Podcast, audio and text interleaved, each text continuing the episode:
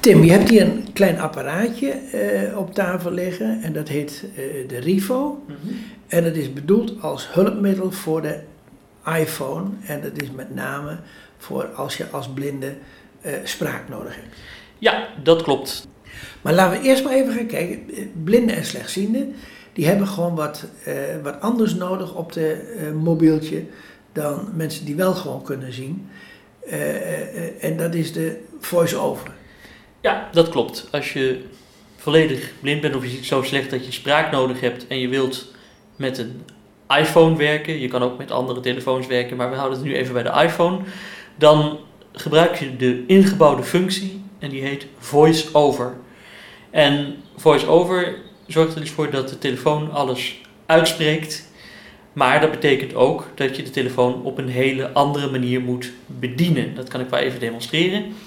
Ik heb hier een iPhone, dan leg ik mijn vinger op het scherm. Berichten. En Twee ongelezen berichten. Dan leest de telefoon wat er mail. 16 onder mijn vinger zit.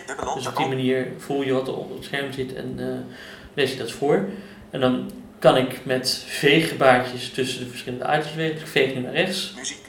Audiomap. Naslag. Hulpop. Extra swap. NOS. Ik moest nu dus vijf keer vegen om bij NOS uit te komen. En dan zegt hij nu tik dubbel om te activeren. Dus ik moet twee keer tikken om hem te activeren. Dus voor wat iemand die goed ziet, die ziet dat NOS-icoontje staan, die raakt het aan.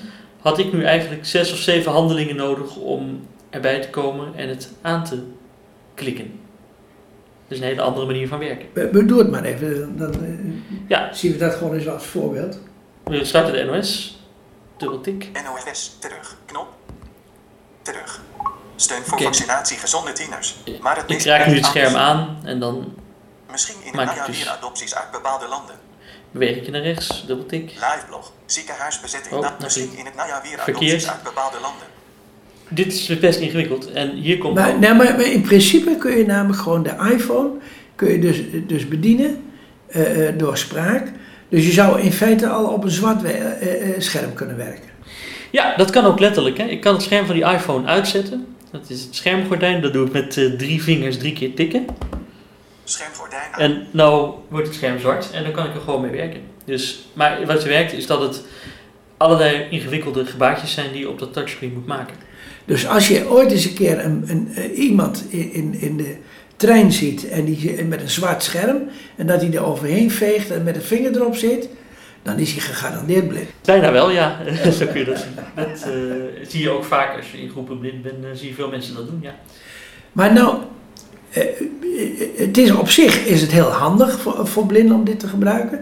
Maar voor mensen die het intensiever gebruiken, heb jij nou een apparaat dat daar aangekoppeld kan worden en nog weer een verbetering kan geven. Ja, dat klopt. Want de vraag is, eh, is het wel zo handig? Wat ik even liet zien, soms moet je wel eh, een heel aantal handelingen doen waar iemand die goed ziet gewoon één keer aanraakt. Eh, het zijn best ingewikkelde gebaartjes.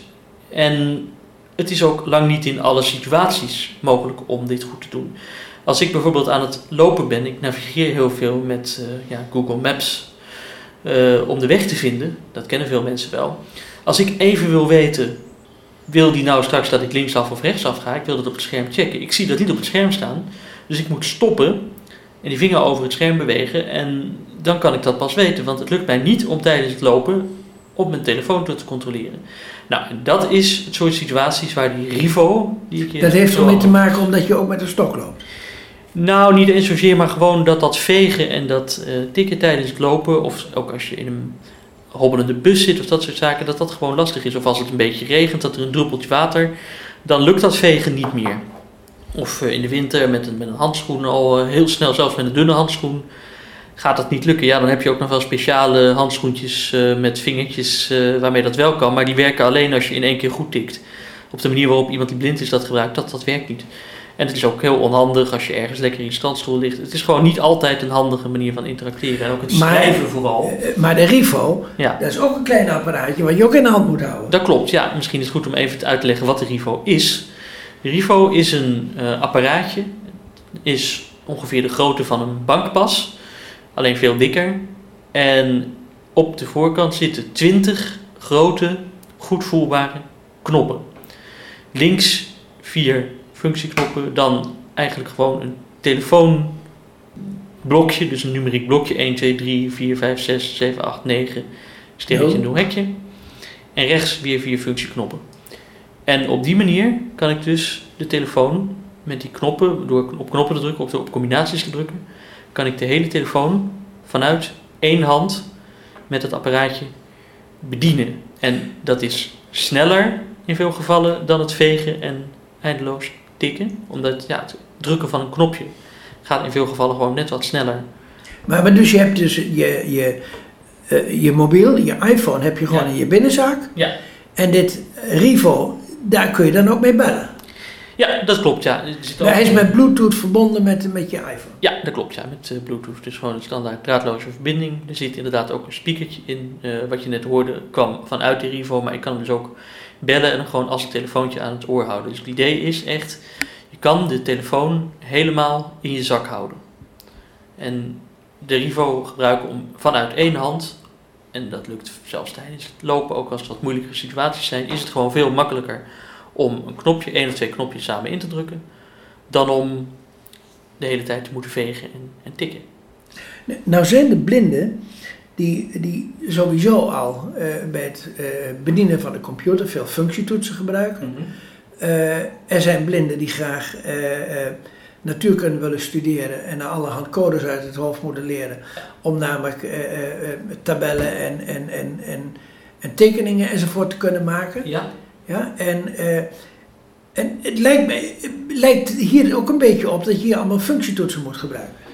Ja, de, de, de vergelijkingen eh, met, in natuurkunde is net wel iets anders, maar met de computer, eh, inderdaad, eh, is het ook een, een snellere manier om met de computer te werken. En dat, dat kan ook wel een, een, een, leuke vergelijking zijn. Je kan natuurlijk heel veel met een, met een muis doen, maar een toetsenbord is vaak veel efficiënter en die vergelijking gaat hier misschien wel een beetje op.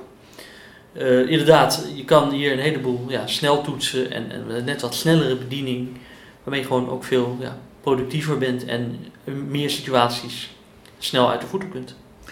Dus ik mag toch eigenlijk wel zeggen dat de Rivo eigenlijk geschikt is voor mensen die, die intensief gebruik maken van een iPhone of van een, eh, van een mobieltje eigenlijk. Ja, ja, het kan ook met een Android of zelfs met een Apple Watch. Je kan er meerdere apparaten aan koppelen. Maar inderdaad, dit is vooral geschikt voor mensen die het intensief en onderweg gebruiken. Of mensen die, om wat voor reden dan ook, moeite hebben met al die veeg- en tikgebaartjes. Er zijn mensen die dat gewoon heel lastig vinden om te leren, maar die wel goed met een paar toetsen overweg kunnen. Soms ook omdat ze bijvoorbeeld wat aan hun handen hebben, waardoor dat vegen heel lastig gaat. Maar misschien het indrukken van knopjes een stuk eh, eh, beter gaat. Dus het is gewoon, ja, voor heel veel gebruikers voegt dit wat toe.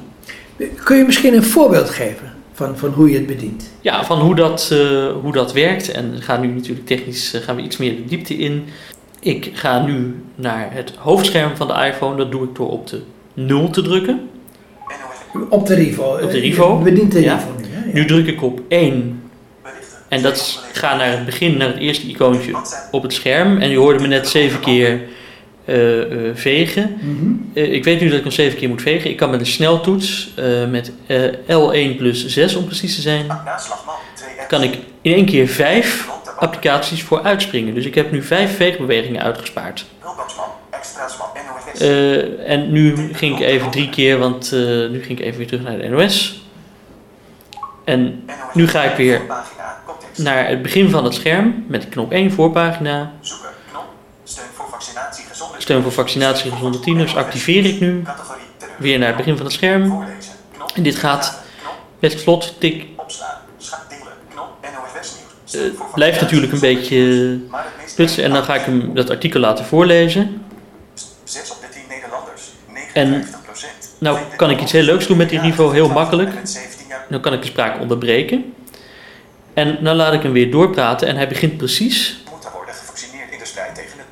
weer waar die gezonde kinderen zijn daar positief ophield. Dus dit kan ik met een knopje. Dit is ook een functie die ik in ieder geval eh, heel erg makkelijk kan bedienen vanaf de Rivo.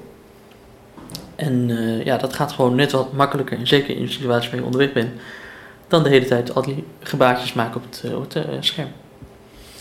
Nou kun je met eh, Bluetooth kun je heel veel apparaten aan elkaar verbinden. Dus kun je met de Rivo ook je televisie bedienen? Op dit moment niet. Ja, je hebt natuurlijk wel de Apple TV. Hè? Misschien dat die, eh, dat weet ik eigenlijk niet. Ik denk het niet. Nee, dat is op dit moment eh, ondersteunt de Rivo alleen eh, ja, Android en Apple smartphones.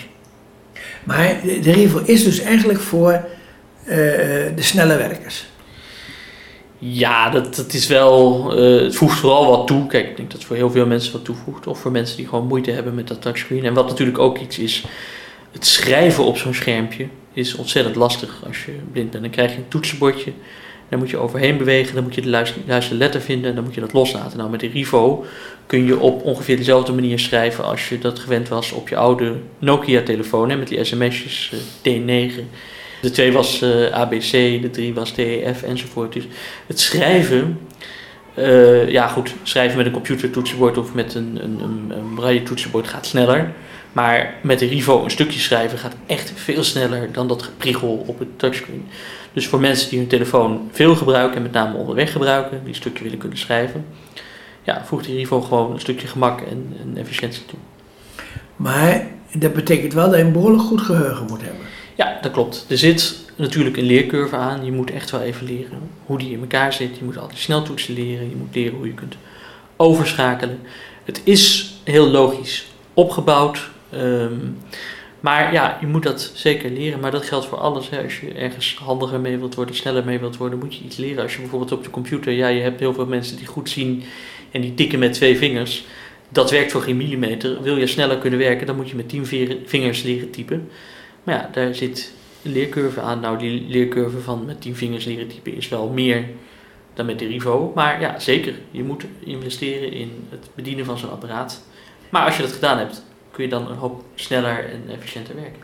Wie heeft dit ontwikkeld? Dit is een eh, apparaatje dat is ontwikkeld in eh, Zuid-Korea. Dat is een start-up die dat daar eh, ontwikkelt en produceert. Ook zelf produceert. Ja, die, eh, die eh, maken dat zelf in. En, en, en jij importeert het Ja, dat klopt. Eh, eh, voor Europa?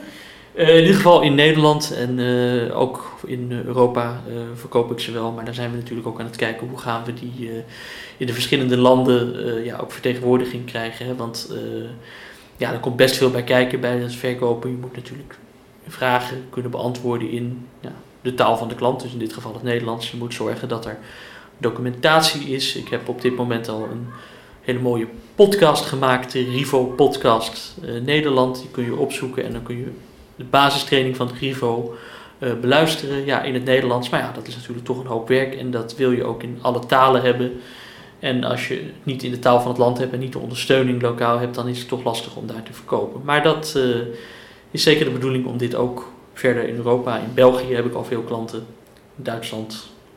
Maar, maar nu is de kunst om, eh, om het eh, duidelijk te maken in Nederland en in België van, eh, van hoe het werkt en wat de voordelen zijn. Ja, dat klopt. En dat is dus wat ik, eh, wat ik aan het doen ben. Nou, ik wens je daar veel succes mee.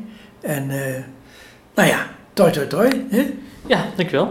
over eh, dit apparaat www.blindmobility.nl